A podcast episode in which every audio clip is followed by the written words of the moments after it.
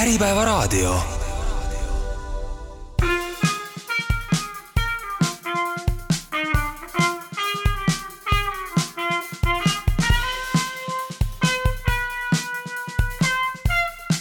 Soraineni sagedus, mitu arvamust, üks eesmärk. Tere tulemast kuulama Soreneni sagedust, mina olen Maarja Sõrm, täna minuga siin Oliver Ämarik. ja meil on kaks suurepärast saatekülalist, hea kolleeg doktor Künnapas, meie maksupartner Sorenenist, tervist! tervist! ja Kaubandus-Tööstuskoja peadirektor härra Mait Palts, tere! tere päevast! ja arvestades, et meil on siin sellised äh, spetsialistid täna kokku aetud, siis äh, nagu ka sõnast maksupartner järeldada võib, siis täna me räägime asjast, mis on sama kindel nagu surm, ehk siis maksud. Oliver, sul on seal äh, saatekava ees? täna plaanisime rääkida siis eesootavatest maksumuudatustest, et ma arvan, et me võiksimegi võib-olla kõigepealt saate otsa lahti teha sellega, et mis need suuremad muudatused on siis, mis meid lähiaastatel ees ootavad, Kaido, võib-olla teed otsa lahti? jaa, võin teha, et noh, enne valimisi oli näha, et suurt midagi ei tule uut ja noh, peale valimisi siis selgus tõde, et natukene ikkagi midagi muutub. et mis siis tuleb, noh, maksumäärad tõusevad erinevad, näiteks üleüldine käibemaksumäär kaks tuhat kakskümmend neli aastast on meil siis kakskümmend kaks protsenti, majutusasutuste puhul, hotellid ja nii edasi, et neil siiamaani oli siis üheksa protsenti käibemaksumäär, varsti saab see olema kolmteist, see on siis kahekümne viiendast aastast, et palju õnne siis meile konkureerimaks siin lähedal asuvate naaberriikide majutusasutuste ja turismisektoriga näiteks ettevõtte ja eraisikute tulumaksumäär tõuseb siin kahekümne viiendast aastast jällegi kahekümne pealt kahekümne kahe peale. Siis maksuküür, mis meil oli, kaotati nüüd ära, et noh, sisuliselt see tähendas siis regresseeruvat maksuvaba tulu, mis meil enne oli, see nüüd siis kaob ära, kõigil lüüakse ühe lauaga kaheksa tuhat seitse, kaheksa tuhat nelisada eurot aastas on siis, ehk siis seitsesada eurot kuus on maksuvaba tulu. et vahet pole, kui jõukas või mittejõukas sa oled, kõigil on see kasutada. ja noh, erinevad väiksemad maksuvabastused kaovad ära, millega me võib-olla harjunud oleme, näiteks kodulaenude intressi maksuvabastus, et noh, kui kodulaenu maksad ja intressi sellelt maksad, siis neid sai oma tulust maha arvata et, et see nüüd kaob ära, samuti siis abikaasade ühine tulude deklareerimine ja laste pealt mahaarvamised, ehk siis noh, seaduse, seaduses olevaid maksuvabastusi nuditakse nüüd, nüüd vähemaks. ja noh, mis ettevõtjaid, eelkõige välisettevõtjaid huvitab, on veel see, et kakskümmend viis aasta kaob ära ka siis regulaarsete dividendide madalam maksumäär neliteist protsenti. Et siiamaani meil oli kaks maksumäära dividendidele, kakskümmend ja neliteist, alates kakskümmend viis aasta jääb järgi ainult kakskümmend. ja siis see madalam määr kaob ära. et need on suuremad muudatused, et seal midagi väga seksikat võib-olla ei ole, aga noh, palju muudetakse protsente sisuliselt ja nuditakse maksuvabastusi. Võib-olla selle viimase, viimase muudatusega seoses regulaarset, regulaarsete dividendide maksustamine, et äh, sa oled ise ka kirjutanud sellest äh,, et äh, kas see muudatus nüüd, mida plaanitakse või mis on jõustumas äh,, kas ikka on põhiseadusega kooskõlas, et äh, kuidas siis on, kas see on põhiseadusega kooskõlas? Nojah, igal juristil oma arvamus, eks ole aga jah, sellega on üks jah, huvitav teema, et, et noh, siis räägime nendest neljateist protsendiga maksustatavatest dividendidest, mille puhul siis kakskümmend viis aasta kaob see äh, madalam määr ära äh,. Noh, minu arvates seal on põhiseadusega probleem ja kes tahab, võib siis kohtust tõde otsida alates kahekümne kuuendast aastast või tegelikult alates kahekümne viiendast aastast juba. et kuidas see regulaarsete dividendide süsteem toimib, on see, et riik põhimõtteliselt ütles, et kuule, et kui sa täna jagad kasumit, siis sa maksad kakskümmend protsenti tulumaksu. aga kui sa nüüd kolme järgneva aasta jooksul ka kasumit jaotad, siis me teatud osa maksustame ainult neljateist protsendiga. idee oli selles siis, et motiveerida ettevõtjaid kasumit jaotama, mitte siis nagu raha niimoodi äh, hoiupõrsasse koguma, et kui ettevõtjad jaotavad kasumit, siis riik saab natuke maksu, on ju. et Eesti edasi lükatud tulumaksusüsteem kahjuks äh, soodustab seda, et väga nagu noh, kasumit ei jaotata, vaid reinvesteeritakse, see motiveeris siis jaotama. Aga selle muudatusega noh, nagu ma ütlesin, siis kolm aastat edasi annab riik lubaduse, et sa saad seda madalamat määra kasutada, aga selle lubadusega on nüüd niimoodi, et äh, sisuliselt riik äh, selle aasta veebruaris veel ütles, et äh, kui sa jagad nüüd kasumit, siis järgneval kolmel aastal saad sa madalamat määra kasutada, see on meie noh, lubadus seaduses kirjas, aga peale maksumuudatuste vastuvõtmist riik ütles, et ahah, nali et tegelikult sa ei saa kolm aastat äh, jagada, kuigi sa aasta alguses teadsid, et kui sa kasumit jaotad, siis sa saad madalamat määra kasutada. et sa saad, aga ainult kahekümne viienda aastani, ehk sisuliselt siis Äh, kui see aasta jaotasid, siis tuleval aastal saad kasutada järgnevast kahest aastast äh, madalamast määrast nagu pühi suu puhtaks. et minu arust niimoodi riik teha ei saa ja noh, meil on õiguspärane ootus, igasugused muud äh, põhimõtted, et kui riik annab lubaduse, siis peaks ka nendest kinni pidama, kui riik annab maksusoodustuse tähtajalise, siis seda ei saa niimoodi lambist ära kaotada. et noh, minu arust seal nagu ainest vaielda on ma korra pöörduks Maidu poole, et mina mäletan äh, KTK-d küll seismas selle eest, et äh, ettevõtjate ja ka teiste isikute õiguspärane ootus oleks kaitstud. Ka maksude osas, et kuidas, mis sinu mõtted selles äh, kõiges on, mida siin siis Kaido väljendas? Jah, no nii ta on, et, et kunagi, kui, kui siin mõned aastad tagasi sai maksukorralduse seadusse kirjutatud ka see punkt sinna esimestesse paragrahvidesse, et vähemalt kuus kuud peab jääma siis nende vastuvõtmise ja, ja, ja rakendumise vahele selline puhveraeg, et, et noh, see oli tegelikult ka siis suure võitluse tulemus, sest varasemalt me siin olime sageli silmitsi no peaaegu iga aasta lõpp sellega, et, et kui hakati panema kokku kuskil seal september, oktoober järgmise aasta riigieelarvet, siis äh, selgus, et, et noh, ei tule ots otsaga kokku ja kiiresti on vaja mõnda maksu tõsta. ja noh, tavaliselt nii ta ka läks, et kuskil detsembris võeti siis muudatus vastu ja jaanuaris jõustus ja, ja noh, ettevõtjad ilmselgelt olid sellega väga rahulolematud. Ja, ja nii sai see suure kompromissina lõpuks kirjutatud Äh, seadusesse sisse, et ikkagi kuus kuud peab olema, sellest üldiselt on noh, täna ka kinni peetud, välja arvatud siin üks, üks olukord, kus valitsus vahetus ja, ja kus me ka kohtus käisime sellega, ja, ja lõpuks päris selgeks ei saanudki tegelikult, et et mis siis tingimused peavad olema täidetud, et, et et sellest saaks mööda minna, aga aga noh, nii nagu siin oli praegu tõesti juttu, siis ettevõtte tulumaksu äh, muudatustest, mis, mis tänaseks on nüüd vastu võetud ja, ja peaks siis kahekümne viiendast aastast jõustuma. et eh, ma arvan, siin tegelikult see küsimus on eh, täiesti üleval, jah, et kuna noh, kui, kui see nii-öelda madalam soodusmäär vastu võeti, siis ka ju ei saanud seda hakata rakendama kohe päevast eh, üks vaid, vaid nii nagu siin selgitati, peab olema eelnevalt kolm aastat sisuliselt makstud jooksvalt ja siis saad hakata vähem maksma, noh nüüd tegelikult ka meile tundus, et, et oleks olnud korrektne see, kui, kui oleks ka, ka siis äh, äramuutmine äh, toimunud vastavalt, et, et sa käid noh, ongi mitme aasta peale jaotatuna, mitte ühe korraga ei võta seda ära, sest, sest tõesti, selline lubadus on antud, seaduses on ta niimoodi kirjas. Ja, ja õiguspärane ootus äh, ikkagi ju põhiseaduse kohaselt kehtib, nii et et ma kahtlustan küll, et, et selle muudatuse jõustudes noh, neid ettevõtteid on ju küllalt, kes, kes seda on kasutanud äh, Äh, võivad minna ka, ka kohtusse, eks me siis, siis näeme, aga, aga noh, ma arvan, et praegu oli poliitiliselt tõenäoliselt äh, noh, suur, suur soov see kiiresti, kiiresti vastu võtta, just nii, nagu ta tehti ja, ja tõenäoliselt ka, ka selle tagamõttega, et, et motiveerida siis ettevõtteid veel siin viimases noh, ütleme siis järgmisel aastal äh, Äh,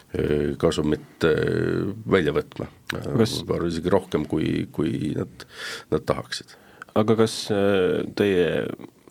ettevõtjate esindusorganisatsioonina, et kas juhtisite riigi tähelepanu ka sellele, kui see plaan ilmsiks tuli ja on seal olnud sellist selgitustööd ka, kuidas äh, see kavandatav muudatus näiteks ei ole põhiseaduspärane? jaa, ei, loomulikult juhtisime tähelepanu ja, ja mitte ainult meie, et äh, aga, aga noh, kõik me, me tänaseks ju teame, kuidas nende maksuseaduste menetlemine käis. et et see, kui, kui noh, me siin paari päeva jooksul suutsime siis argumenteeritud seisukoha kujundada ja kirja panna ja ära saata, siis, siis ega noh, kahetsusväärselt ega ega sellele mingisugust arutelu või diskussiooni nüüd ei järgnenud, on ju, et, et siin ka ka, ka kui on püütud selgitada, et, et noh, Riigikogus ju, ju arutati mitu tundi ja debateeriti ometi ja siis noh, tegelikult see on suhteliselt ikkagi kahetsusväärne olukord, mis, mis oli, et, et niivõrd oluliste muudatuste puhul noh, tegelikult ikkagi mingisugust analüüsi ju ei, ei olnud ega, ega mõjude hinnangut. Aga kuidas, kui see kogu, ütleme, kogu see maksupakett, mis hetkel nüüd siis muutmisele on läinud, kui see ette võtta, siis kas kuidas te seda selles suhtes iseloomustaksite, et kas see on niisugune tulekustutuspakett, millega nagu üritatakse kiiresti lappida hetkel olemasolevat riigieelarve auke või, või, või on seal nagu mingeid niisuguseid struktuursemaid muudatusi ka, mis on, mis vaatavad kuidagi ka fiskaalpoliitika mõttes kuidagi tulevikku? no eks ta praeguses äh, vaates ikkagi tegelikult on ju puhtalt äh, nii-öelda tulude juurdesaamise muudatused, et, et maksuküüru kaotamine, noh seda võib ju öelda, et, et jah, ta on natuke sisulisema, sisulisema muudatusega tegemist, aga, aga kui me tõstame noh, käibemaksumäära kaks protsendipunkti eh, ülespoole või, või tulumaks, noh mis struktuurset muutust seal nüüd siis eh, ikka, ikka on, et puhtalt ikkagi fiskaalse eesmärgiga, noh kui me neid eh, mõlemaid vaatame, et, et käibemaksumäära, üldise määra tõstmine ja, ja tulumaksumäära tõstmine, noh eks neid on tegelikult, sellest on ju olnud juttu ka, ka varem, eh, erinevate siis valimiste järgselt, noh kus ikka on palju soove ja, ja siis selgub, et, et ei ole vahendeid nende täitmiseks, siis eh, käibemaksu ja, ja tulumaksumäära tõstmine on, on laual olnud eh, mitmeid kordi noh, see, et ta nüüd muidugi ilma igasuguse eelneva aruteluta korraga tuli, eks ta noh, teatav üllatus oli. Aga kui me nende mõjusid vaatame, noh, ma arvan, et ettevõtluse, ettevõtluse seisukohast lihtsalt noh, käibemaksu sellise üldise määra tõstmine, et ma arvan, see on üks valutumaid tõenäoliselt ja, ja eriti vähe noh, kui nii saab öelda, mõjutab ta eksportivat ettevõtet, on ju, kes müüb väljapoole Eestit äh, null protsendiga, noh, seal ei ole nagu väga suurt äh, probleemi. elanikkonnale, tarbijatele muidugi ta on negatiivse mõjuga, eriti tänases olukorras, kus kus inflatsioon on, äh, on niigi kõrge ta, eks inflatsioon tõenäoliselt tuleb äh, mingil hetkel allapoole, aga, aga noh, mitte, mitte nii, et, et see käibemaksumäär üldse kellelegi mõju ei, see tõus mõju ei avaldaks, on ju. et üldises majanduspildis ma arvan, ta on ikkagi negatiivse mõjuga muidugi, ka, ka nendele ettevõtetele, kes sisetarbimisse või siseturule toodavad või, või teenuseid pakuvad aga, aga jah, põhimõtteliselt selline üldise määra tõstmine, ma arvan, kõige, kõige valutam, samamoodi ka tulumaksumäära puhul on ju, et, et kahekümne asemel kakskümmend kaks, noh muidugi tekitab muret, aga, aga jällegi ta on kõige nagu lihtsam ja, ja valutum, aga, aga seda ei saa öelda nende, nende erimäärade osas. Mulle siin kangastus mõte, et, et kui see eeldus on olnud see, et maksutõusudega suuresti ka lapitakse varasemaid ja tulevasi maksuauke, eks ole et ma siis küsiks sellise küsimuse, et äh, kas seda saaks kõik kuidagi teisiti teha, et noh, ma saan aru, et me võiksime rääkida, et ärme tee mingeid mõttetuid kulutusi võib-olla või, või läbimõtlematuid, aga noh, kas kuskilt on äh, võtta makse, mille peale varem pole mõeldud, või mis on jäänud siis äh, ebamõistlikult siis riigil kasutamata, sellised võimalused, et võib-olla Kaido oskad mõnda nimetada? No seda ei tahaks praegu välja käia, et mõnda uut maksu juurde tuua. ideesid, jah. jah, et äh, idee poolest äh, noh, ma ei tea, sellele võiks natuke läheneda nagu tavalisele erasektori ühingu juhtimisele, on ju, et kuidas sa siis äh, kasumit maksimeerid, et noh, riik võib olla küll rahvaesindus, aga päeva lõpuks me peaks ju, riigi mõte on äh, meie ühist raha kasutada võimalikult efektiivselt ja panna see võimalikult hästi teenima, on ju, professionaalsete juhtide käe all, et see on nagu idee. et äh, võib-olla uusi makse ma ei tahaks praegu välja käia, mida pakkuda, aga noh, mida saab teha, Eesti tugevusi ära kasutada, on ju, mis on Eesti tugevus, noh, valdavalt meie IT-sektor, vähemalt minu silmis IT ja tehnoloogiasektor, on ju. et kuidas siin konkurentsivõimet parandada,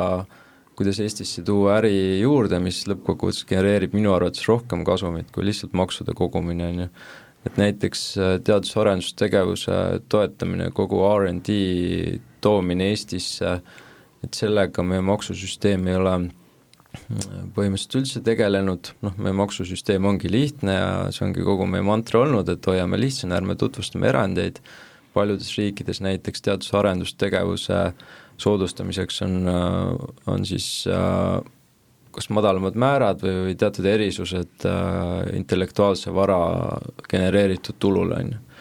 minu arust see on, see on väga oluline, et Eestis oleks ka midagi sellist, ma tean, MKM hakkas sellega tegelema, aga ma ausalt öeldes ei tea, kuhu maani see projekt jõudnud on sellepärast et äh, kui me oleme see riik, kus tehakse IP valmis ja siis viiakse minema ja sellest, seda kogu elukaare tulu, mis sealt edasi genereerub, seda me ei saa, et siis see on nagu ära visatud raha, on ju. et minu arust palju ägedam oleks ja mõistlikum on see, kui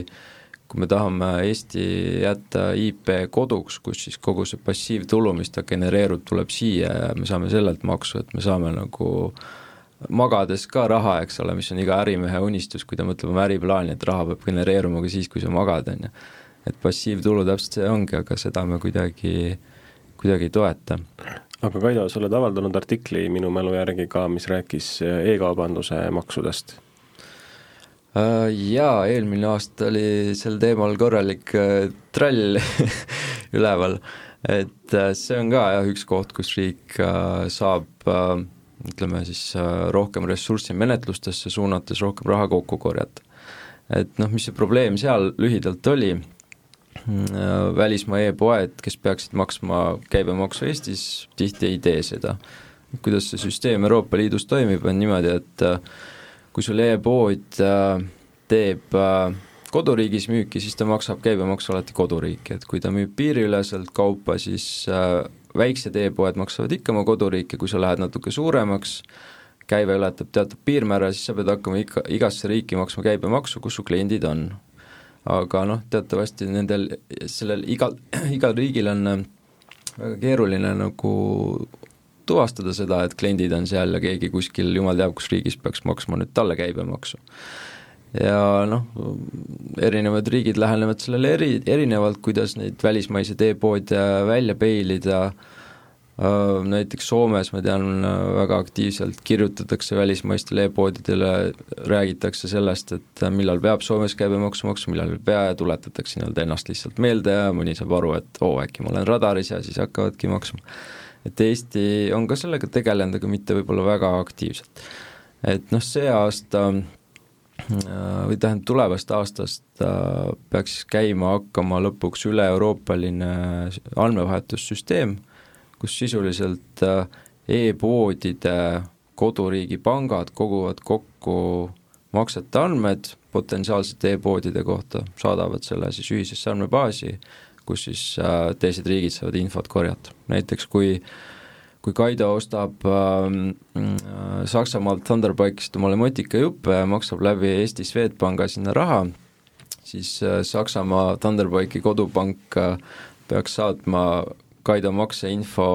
siis äh, Saksamaa maksuameti kaudu ilmselt siis äh, tollesse andmebaasi, mis üle-euroopaliselt toimima hakkab, Eesti maksuamet saab sealt siis info kätte, et oo, et mingi Thunderbike on, mis müüb Eestisse kaupu, et äh, et vaatame, kas ta Eestis käibemaksu maksab, kui ta peaks seda tegema, kui tal on piisavalt kliente siin. ja sinna on päris palju raha tegelikult, mis on maas ja mida saab menetlustega üles korjata kas me, kas me teame ka umbes nii-öelda, on mingeid prognoose ka selle kohta, et mis see summa siis võiks olla, mis, mis võiks Eestisse laekuda, kui, kui see nii-öelda vähegi efektiivselt käima läheb uh,? sõltub väga palju sellest, kui palju Maksuamet hakkab sinna ressurssi suunama, et neid menetlusi ja seireid teha uh, tegelikult, et uh, noh, me eelmine aasta tegime väga rough estimate arvutuse avalike andmete põhjal, mis noh, kindlasti ei ole päris õige, sest et kui me seda arvutasime, me seadsime ka hulga eeldusi, mis ilmselt ei ole õiged, et seal me tulime välja numbriga sada nelikümmend miljonit eurot aastas, mis on saamata, noh, tegelik number ilmselgelt on väiksem, aga me räägime ikkagi miljonitest, kümnetest miljonitest. ja see on noh, olnud pikalt niimoodi, et see on raha, mis on nagu maas vedelenud ja küsimus on selles, et kui palju siis on tahetud auditeid teha, et seda üles korjata, et nüüd on siis ütleme, parem süsteem tulemas, mis võimaldab seda raha üles korjata. Mait, kuule, aga kus siis veel äh, raha maas vedeleb, kui siit äh, sõnasabast jätkata? noh, ma arvan, et, et päris selliseid suuri ja, ja uusi auke, nagu siin äh, e-kaubanduse vallas räägitud, noh, võib-olla ei olegi, aga, aga aga ma arvan, meil tasub järjepidevalt ikkagi teha tööd noh, nii nii siis ümbrikupalkade teemal, ma arvan, et, et siin on tegelikult äh, trend täna pigem halvemuse suunas, kus Maksuamet peab selgelt ikkagi pingutama, jätkuvalt käibemaksu auk samamoodi et, et eks ta noh, vaata, eks me olemegi jõudnud teatud, teatud tasemele oma, oma maksu, maksukorralduse ja, ja maksude kokkukogumisega, kus noh, selliseid suuri hüppeid ongi võib-olla keerulisem teha, aga aga kui me noh, laseme selle, selle teemaga nii-öelda laualt maha, ehk ei, ei tegele üldse, siis tegelikult noh, üsna kiiresti ja, ja ka tänases majandussituatsioonis noh, on, on tulemuseks ikkagi see, kus, kus see maksumoraal tuleb veelgi rohkem alla ja hakatakse otsima noh, muid äh, viise, et, et siin on tegelikult ikkagi noh, selge see, et et esmalt tuleb tegeleda sellega, et kokku koguda need maksud, mis on juba kehtestatud, siis vaadata üle noh, see ka see kulubaas, on ju, mida täna justkui tehakse, aga me tegelikult ei saa täpselt aru nüüd, et et kas tegeletakse kümne tuhande kaupa või, või ikkagi on natuke suuremad eesmärgid eh, seatud, et et ka seda riigiaparaati veidi efektiivsemaks eh, saada. sest noh, eks igal sellisel süsteemil on see ettevõte, on samamoodi, nii nagu Kaido välja tõi, et ega peame ka seda riigi, riigipidamist, eh, ma arvan, teatud mõttes samamoodi vaatame, on, on ja, ja sellistel süsteemidel on ikkagi, on ikkagi tendents kasvada, tulevad uued huvitavad teenused, keegi tahab jälle midagi arendada, kõik justkui noh, tundub ühel hetkel tore, aga, aga võib-olla mingil hetkel peame tõmbama noh, korraks joone vahele ja, ja hindama, et, et mis tegelikult on meie võimekus ja, ja mida ei peaks tegema, mida peaks tegema et ma arvan, see on väga, väga loogiline ka riigi vaates. nii et äh, ja, ja jah, ja siis vaatame kolmandana tulu poolt muidugi, et äh, kas on mingisuguseid uusi,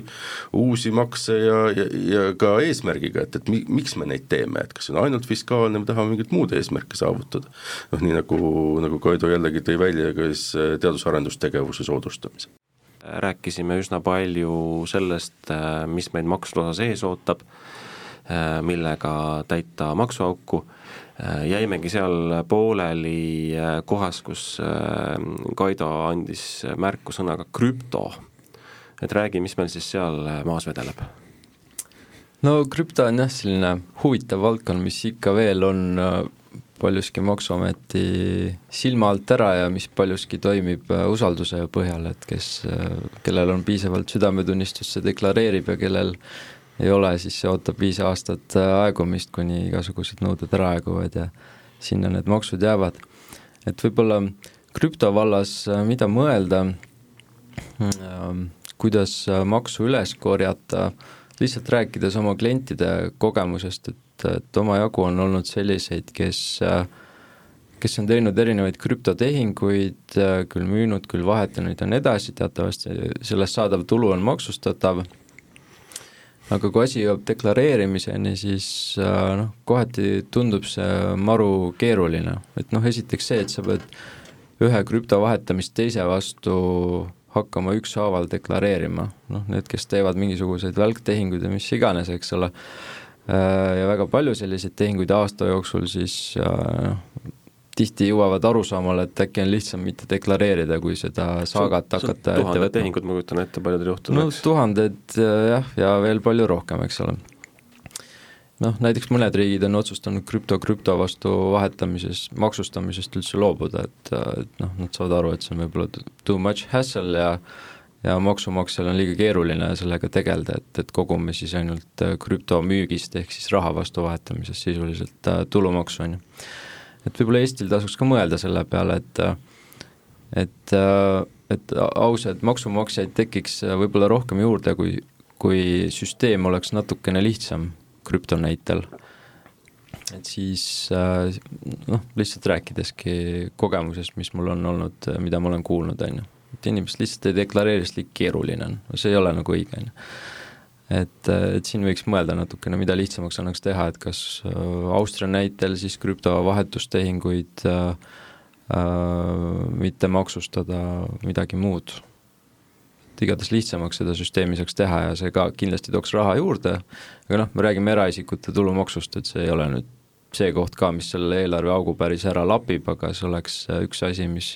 oleks moraalselt õige teha ja kus võib-olla süsteemi keerukus on see, mis äh, takistab ja noh, see süsteemi keerukus ei tohi takistada maksu kogumist, et see on juba jumal, jumal teab, mis ajast üks maksu, maksustamise aluspõhimõtted, et süsteem peab olema lihtne. kas meil on, äh, Mait, äh, sinu pilgu läbi süsteem siis lihtne, et seal kitsaskohti ei ole või kuskil ikkagi midagi leidub? Noh, nagu Kaido rääkis, ega neid kohti kindlasti on, kus ta on, on keerukam, kui ta, kui ta võiks olla. Ja see on noh, siililegi selge. Ja vana teada tõde, et, et inimesed ja ettevõtted, ettevõtjad noh, maksavad makse kindlasti meelsamini siis, kui see, ka see protsess on, on nende jaoks lihtne, arusaadav ja, ja see tähendab teisest küljest ka seda, et et maksudest kõrvalhoidmine on, on keerulisem et eh, noh, see üldiselt on Eesti maksusüsteemi ju, ju pluss olnud, aga eks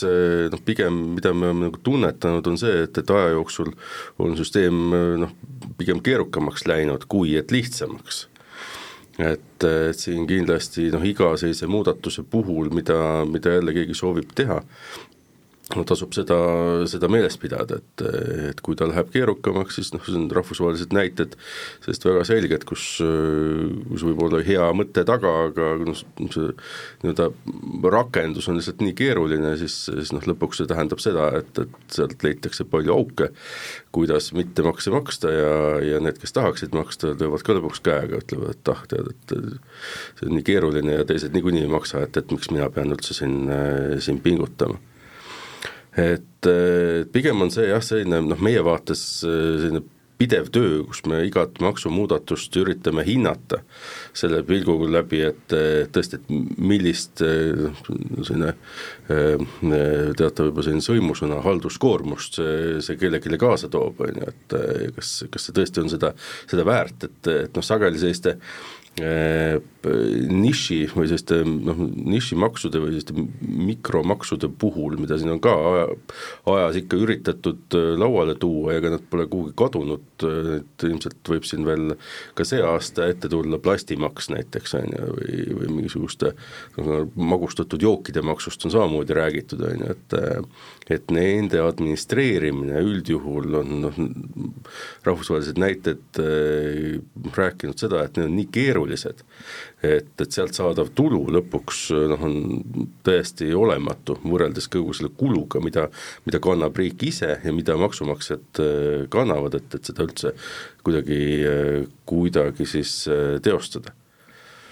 aga keeru-, maksusüsteemide keerukusest ja konkurentsivõimest rääkides, siis Eesti oli kaks tuhat kaks aastal jälle, kaks tuhat kakskümmend kaks aastal jälle seal Tax Foundationi edetabelis esimesel kohal oma maksusüsteemiga, Läti oli, Läti oli seal teine, Leedu kaheksas. kas äh, need muudatused nüüd, mis, mida plaanitakse teha, äh, Kaido, äh, sinu kui eksperdi hinnang, kas me hakkame seal edetabelis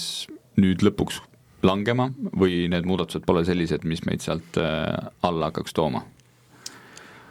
Äh, no seda me saame vist öelda, et süsteem läheb jälle lihtsamaks, sest mingisugused erisused kaovad küll ära jah, nagu see regulaarsete dividendide erand ja mõned maksuvabastused era, eraisikutele, aga vaadates protsentide mõttes ja stabiilsuse mõttes ja näiteks regulaarsete dividendide osas selles osas, et äh, kuidas riik oma lubadustest kinni peab ja õiguspärane ootus ja nii edasi, siis ma arvan, et see on üpriski reaalne, et, et me kukume nüüd Lätist äh, tahapoole, et number kaheksa, nii et see turunduslik argument, et oleme number üks äh, maksusüsteem maailmas, tulge meile, et seda ilmselt ei saa, saa varsti enam kasutada. Et, äh, et noh, siin Baltikumi sees on ju veel Leedu, kuhu vaadata, et kui me maksu kas või ettevõtte tulumaksuprotsente võrdleme, siis Eestis on meil küll edasi lükatud tulumaks, niikaua kui see kasumit jaotada on meil null ja kasumit jaotada on nüüd siis kakskümmend kaks, Leedus on see näiteks viisteist, on ju. ja veel väikeettevõtte režiimil on ta veel väiksem, kas oli äkki viis, kui ma õigesti mäletan, viis protsenti. et noh, olukorras, kus, äh, kus võib-olla näiteks IT või fintechi sektor äh, Leedus on ka ju väga arenenud või logistikasektor on ju, kus on äh, know-how olemas, inimesed olemas, siis äh, ma arvan, ettevõtja, hoolas ettevõtja peab mõtlema selle peale, et kas on aeg vaadata näiteks Leedu turu poole, teha oma kontor sinna, et viia oma IP sinna näiteks, on ju. et, et see on nagu asi, mis mind muretsema paneb ja äh, ja noh, minu arust äh, mõjuhinnangus väga meil äh, rahvusvahelisi aspekte ei vaadatud, kui neid uusi maksuettepanekuid välja töötati. et, et kui oli mingi mõjuhinnang, siis pigem olid nad siseriiklikud, et hotellide osas oli seal äh, Leedu poole korra vaadatud, kui hotellide käibemaksu siin tõsteti, nii et siis toodi seal Leedu põhjal üks näide. aga tulumaksu osas minu arust seda rahvusvahelist konkurentsi, mis noh, arvestades kui väike Eesti on, et siis noh, oleks võinud ju hinnata, aga ma ei tea, et seda oleks väga tehtud. ehk siis ei kardeta, et äh, need stsenaariumid, millest sa räägid, saavad teoks uh,? Jah, ma ei tea, kas ei kardeta või lihtsalt oli poliitiline kokkulepe ja, ja nii tuli teha ja noh, oli eelarveauk ja see tuli kuidagi ära lappida, et ega noh, kui rahakotis on auk, siis uh, vahepeal tuleb ka halbadest valikutest äh, paremad lihtsalt võtta ja teha see otsus ära, et meil on selles mõttes ju vaata selline väga eluline näide, kuidas inimesed hakkasid ühtäkki Lätis käima mm, ostureisidel. et, et huvitav, et see siis äh, tähelepanu ei pälvinud, et kas äkki äh, nagu sa saate alguses ütlesid, et noh, et kas meie turistid, kes siin käivad, hoopis valivad siis tulevikus Leedu või või sellise koha, kus on soodsam äh, majutus näiteks? jah, see on äh huvitav, et seda nii ei vaadatud, olles ise pärit Häädemeestelt, siis seda alkoturismi ma nägin äh, oma silmaga väga lähedalt ja teades, kui kallis Eestis on puhata ja tihti inimesed valivadki, et kas minna Saaremaale hotelli või Türki ja minnakse Türki, sest see on odavam, siis äh, noh, varsti on see veel kallim Eestis puhata. et ega ta hästi ei mõju jah, ei noh, mina ka ei tea, et, et seda rahvusvahelist äh, võrdlust oleks keegi nüüd äh, väga, väga põhjalikult üritanud siingi mm, teha, et, et võib-olla tõesti majutusteenuse puhul natukene vaadati midagi, see oli kõige lihtsam ja ettevõtjad ise äh, sellega välja, noh, välja tõid, et, et noh, siin, siin ei saa olla me kehvemas positsioonis kui, kui meie naabrid, sest täna tänane turist, kes Eestis käib, on, on ikkagi väga, väga hinnatundlik ja seesama noh, Soome turist eriti, kes, kes Eestis on, on palju siin meie meie majutusasutusi ju, ju toitnud ja üleval hoidnud, siis noh, nemad vaatavad väga teraselt seda, mis see, mis see hinnatase teeb ja ja ega tegelikult ma arvan, sellel, sellel jutul juba ainuüksi, et, et me tõstame, on oma mõju olnud ja, ja minnakse kuhugi, kuhugi mujale, noh Türgi on on erinevatel põhjustel täna kindlasti väga atraktiivne puhkuse, puhku- ja sihtkoht, samuti muud Lõuna-Euroopa riigid, kus, kus noh, eestlased ka armastavad käia. ja, ja siin on see noh, väga selge, selge koht ja, ja noh, öelda nüüd seda, et et kuskilt äh, Lääne-Euroopast või mujalt maailmast peaks kangesti hakkama turistide hordid Eestisse jõudma, noh miks nad peaks siia väga nüüd äh, tulema, sest ega kaugemalt ikkagi hinnatakse täna ka Ukrainas toimuvat äh, selge riskina ja, ja turist ei ei, ei taha siia piirkonda pigem tulla, noh sama, sama küsimus tegelikult on investoritega ka, et et me võime siin küll äh, hinnata ja aru saada, et, et noh, sõjakoldest oleme piisavalt kaugel ja, ja ei ole, ei ole hetkel risk äh, suurem, aga, aga mujalt, kaugemalt vaadates tegelikult ikkagi öeldakse, et, et kuulge, noh, me me, me pigem sinna, sinna nii-öelda piiri äärde ei taha, ei taha nüüd trügida. ja ma arvan, et kogu selles pildis tegelikult meil on täna väga, väga põhjust vaadata ikkagi seda laiemat siis geopoliitilist olukorda, sest noh, me ei ole selgelt enam, enam siin ida ja lääne nii-öelda kaubatee vahel ei, ei meelita siia enam lääne investorit, et, et tulge ja, ja ja, ja läheme siit äh, Venemaa turule või ka ida poolt, et, et noh, tulge, tulge Eestisse ehk Euroopa Liitu ja, ja siis hakkame siit äh, äri tegema, et me tegelikult ikkagi täna oleme siin suhteliselt nagu seina ääres ja, ja teisel pool on, on noh, pikaks ajaks ma arvan, tühi maa, on ju, et ja, ja see tähendab seda, et me peame ikkagi no mis iganes muudatustega, on maksu, on midagi muud, väga selgelt endale aru andma, et, et need peaksid toetama seda noh, ka konkurentsivõime paranemist rahvusvahelises pildis, sest, sest muidu noh, ettevõtted lihtsalt ühel hetkel, välisinvestorid ei tule, ei investeeri juurde ja olemasolevad noh, hakkavad ka küsima, et, et kuulge, et aga noh, ega me võime kuskil siin mujal ka ju ettevõtlust arendada, et ei pea siin Eestis ilmtingimata tegema, kus, kus keerukam on väga, väga hästi kokku võetud, ma tegelikult tahtsin ka küsida seda sarnasel teemal, nagu Mait rääkis, et et kui, kui panna nii-öelda või kui, kui anda niisugune hinnang hetkel, et, et kus me hetkel riigina nagu selles suhtes maksude mõttes oleme, et kas me näeme, et meil lähiaastal on tarvis Eh, ette võtta mingeid suuremaid reforme just arvestades ühiskonna ja majandusstruktuuri ja, ja neid muudatusi, mis siin viimaste aastate jooksul on aset leidnud erinevatel põhjustel, et, et eh, kas nii-öelda praegused need maksumuudatused, kas need võivad jääda mingiks ajaks viimasteks või, või, või me näeme vajadust veel tugevamalt hakata oma maksusüsteemi reformima? Noh, see on hästi, hästi keeruline küsimus selles võtmes, et et meil riiki üleval vaja pidada on, selleks, selleks raha on vaja, on ju, ja ja ja noh, ettevõtjana meil oleks noh, tõenäoliselt palju vabamad käed erinevaid riske ka võtta, noh nii nagu siin enne oli juttu sellest R&D töötajate süsteemi kuidagi toetamisest maksusüsteemi kaudu, siis noh, need, need muudatused või ettepanekud, mis siin vahepeal ka välja pakuti, noh tegelikult olid äh, sellised, et, et noh, paljud ettevõtjad ütlesid, et meil, meil ei ole, ei maksa nendega tegelema hakata, sest tõenäoliselt see, see administreerimine on, on palju kallim, kui, kui kokkuvõttes sealt saadav mingisugunegi nagu, nagu hüve. et ja mida ma tahan sellega öelda, on ikkagi see, et, et me tahaks noh,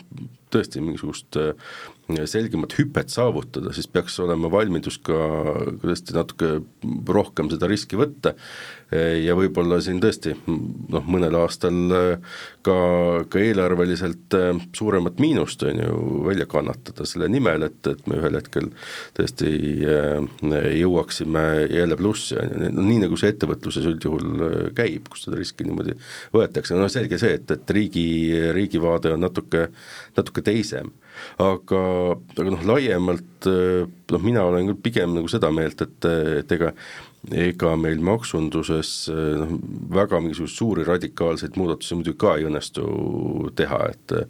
et tööjõumaksude osas noh, tõesti on, on seda, seda arutatud palju, et, et kas tööandja ja töövõtja vahelist jaotust äh, võiks, äh, võiks sisse tuua, seda muuta kuidagi, noh, see on jällegi arutelu, mida on peetud äh, erineva, erineva tõsidusega, ma arvan, enam kui kümme aastat, noh kuhugi pole jõutud, tänases poliitolukorras ma ka väga ei näe, et, et sellega keegi, keegi edasi, edasi oleks valmis minema et, et ta on keeruline jah, kahtlemata siin mingisuguseid suuri muudatusi teha ja noh, tõsi ikkagi on see, et ega me, me maksustades ennast muidugi nüüd jõukaks äh, ka ei saa, et, et siin peab leidma, leidma mingisuguseid muid, muid reforme ja, ja lahendusi, kuidas me noh, kuidas me midagi, midagi enda konkurentsivõimes paremaks äh, saame teha. Aga minu arvates see oli jälle suurepärane kokkuvõte sellest, kuhu meil see laevuke võiks liikuda, aga mul on pandud südamele sellist asja, et peaks rääkima ka võimalikust tulevast automaksust siia saate lõppu. Mait hakkas kohe naeratama, ilmselt on südamelähedane teema, tahad sa siis avangu teha selle automaksu teemaga? kas sul on ka palju vanu autosid kuskil, mis maksu ootavad? ei, palju ei ole, et, et ma arvan, et minuga on selles mõttes lihtne, aga aga eks see on natuke olnud selline noh, jällegi teema, et et ühest küljest kõik, kõik tahavad kaasa rääkida ja kõik on eksperdid, ja aga, aga, aga väga palju on seda, seda selgusetust ju tegelikult, et, et mida me siis tahame nüüd maksustada, mis see, mis selle kogu asja eesmärk on, et, et kas ta on puhtalt fiskaalne, kas noh, nii nagu siin minister on ka öelnud, et tuleb luksust hakata maksustama, tuleb äh, keskkonda, äh, keskkonda siis äh, rohkem saastavamaid autosid maksustada, noh erinevaid mõtteid, et eks me ootame ju kõik, et, et millal siis nüüd mingisugust paberit võiks, võiks näha, et, et kuhu, kuhu suunda siis mõte on liikunud, aga aga ma pigem noh, küll, küll toetaksin neid mõtteid, et, et ega kui me räägime sellest, et, et maksustame siis või motiveerime kasutama vähem saastavamaid autosid ja, ja, ja keskkonnasõbralikumat ja, ja maksustame seal, kus, kus noh, rohkem autot kasutatakse, siis minu arust ega kütuseaktsiis on see, see täiesti olemasolev ja, ja hea, hea viis seda, seda teha, on ju, et et see, kes tõesti sõidab pühapäeval oma oma kakskümmend, kolmkümmend kilomeetrit, noh maksabki vähem, sest ta kasutab vähem, see, kes sõidab, sõidab keskkonnasäästlikuma autoga, noh kulutab kütust vähem ja, ja emiteerib ka CO2 vähem, on ju, väga, väga selge, selge seos, et et minu arust kõik muu on olnud ikkagi see, et, et noh, siis mida me, mis see eesmärk siis on, et maksustada luksust, maksustada mingisuguse eseme olemasolu, noh, ma ei tea, kas seal väga, väga suurt ratsionaalset mõtet on, aga, aga muidugi see, see diskussioon on selles mõttes huvitav, et siin poliitikud ka tulevad vahepeal välja, et niisuguste mõtteavaldustega, et, et diskussioon on olnud väga, väga tihe, et on saanud teatavaks, et mõnedel inimestel ongi näiteks mitmeid autosid ja on autokollektsioone et et noh, nagu see oleks nüüd selline maailmaavastuslik muidugi, aga, aga jah, nii, nii paraku elus on, aga eks nad nüüd siis peavadki välja mõtlema, et et mida nad lõpuks teha tahavad, eks me siis saame kõik kommenteerida ja lugeda. Kaido, aga mis sinu siis mootorratta kollektsioonist saab? Neid ei maksustata või, või sul on ka oht langeb, kirves langeb? no seda me kuuleme tõenäoliselt äh, üheksateistkümnendal juulil, kui ministeerium lubas presenteerida oma ideed, mida maksustatakse kuidas maksustatakse ja kas ka mootorrattaid maksustatakse. homme siis või? ma, ma arvan, et nüüd sa muidugi avasid selles mõttes äh, see uue teema, on ju, et ma ei ole kindel, et mootorrataste peale seni keegi mõtles, aga, aga äkki tasub jah, et jah, Kaido, mis sa arvad, kui, kuidas tunned ennast selle, selle riskiga nüüd? No mis ikka, et äh, ma ei ole autot omanud juba paar aastat erinevatel põhjustel, küll on mul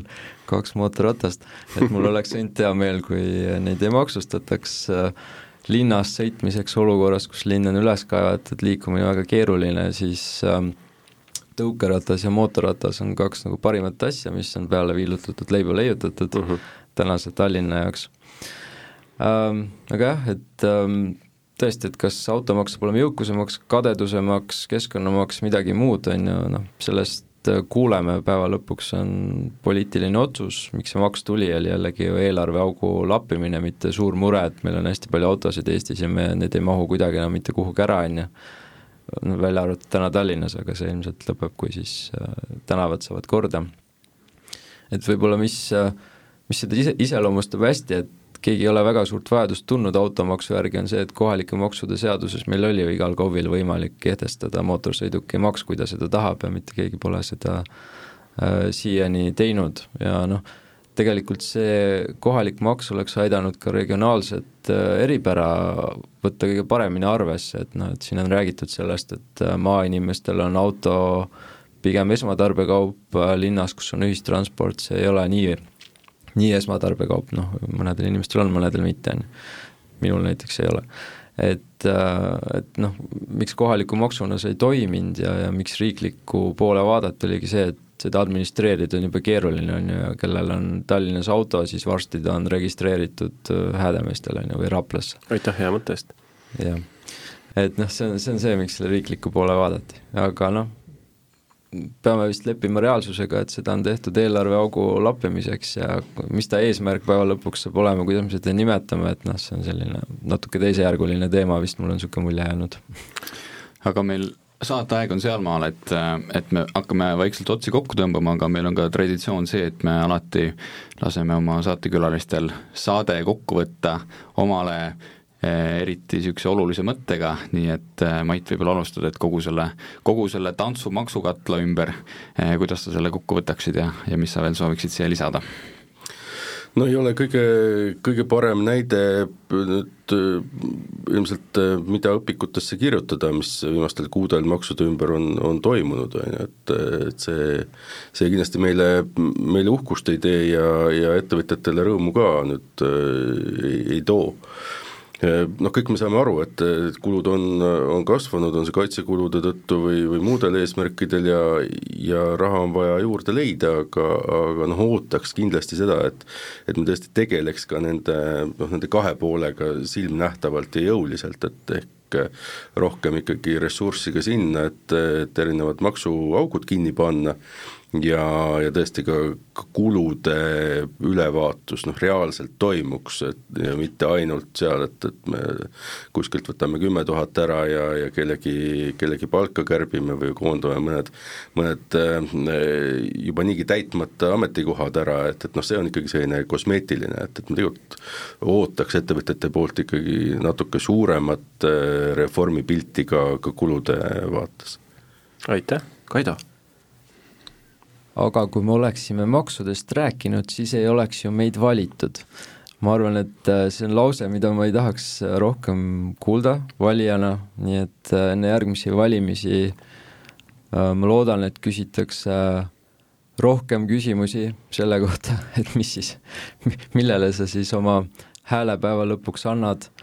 ja ma loodan, et selline lähenemine elule kandu siin muudesse valdkondadesse edasi, et noh, ma ei tea, spordis oleks ka äge, et ma panen dopingut, sest noh, muidu ma ju võidaks, on ju. et kas see siis legitimeerib sinu otsuse panna dopingut, no ma ei tea, vist ei ole päris see. et see, see on üks asi, mis mulle jäi okana natukene hinge valimistest saades täiesti aru sellest, et on auk, mis tuleb kinni lappida. väga hüva kuulasite Soreneni sagedust, külas olid meil täna Kaido Künnapas, Soreneni maksupartner, Mait Palts, siis Kaubandus-Tööstuskoja peadirektor, rääkisime maksudest ja ma arvan, et nende, nende sõnadega võib ka selle saate kokku võtta, aitäh kuulamast!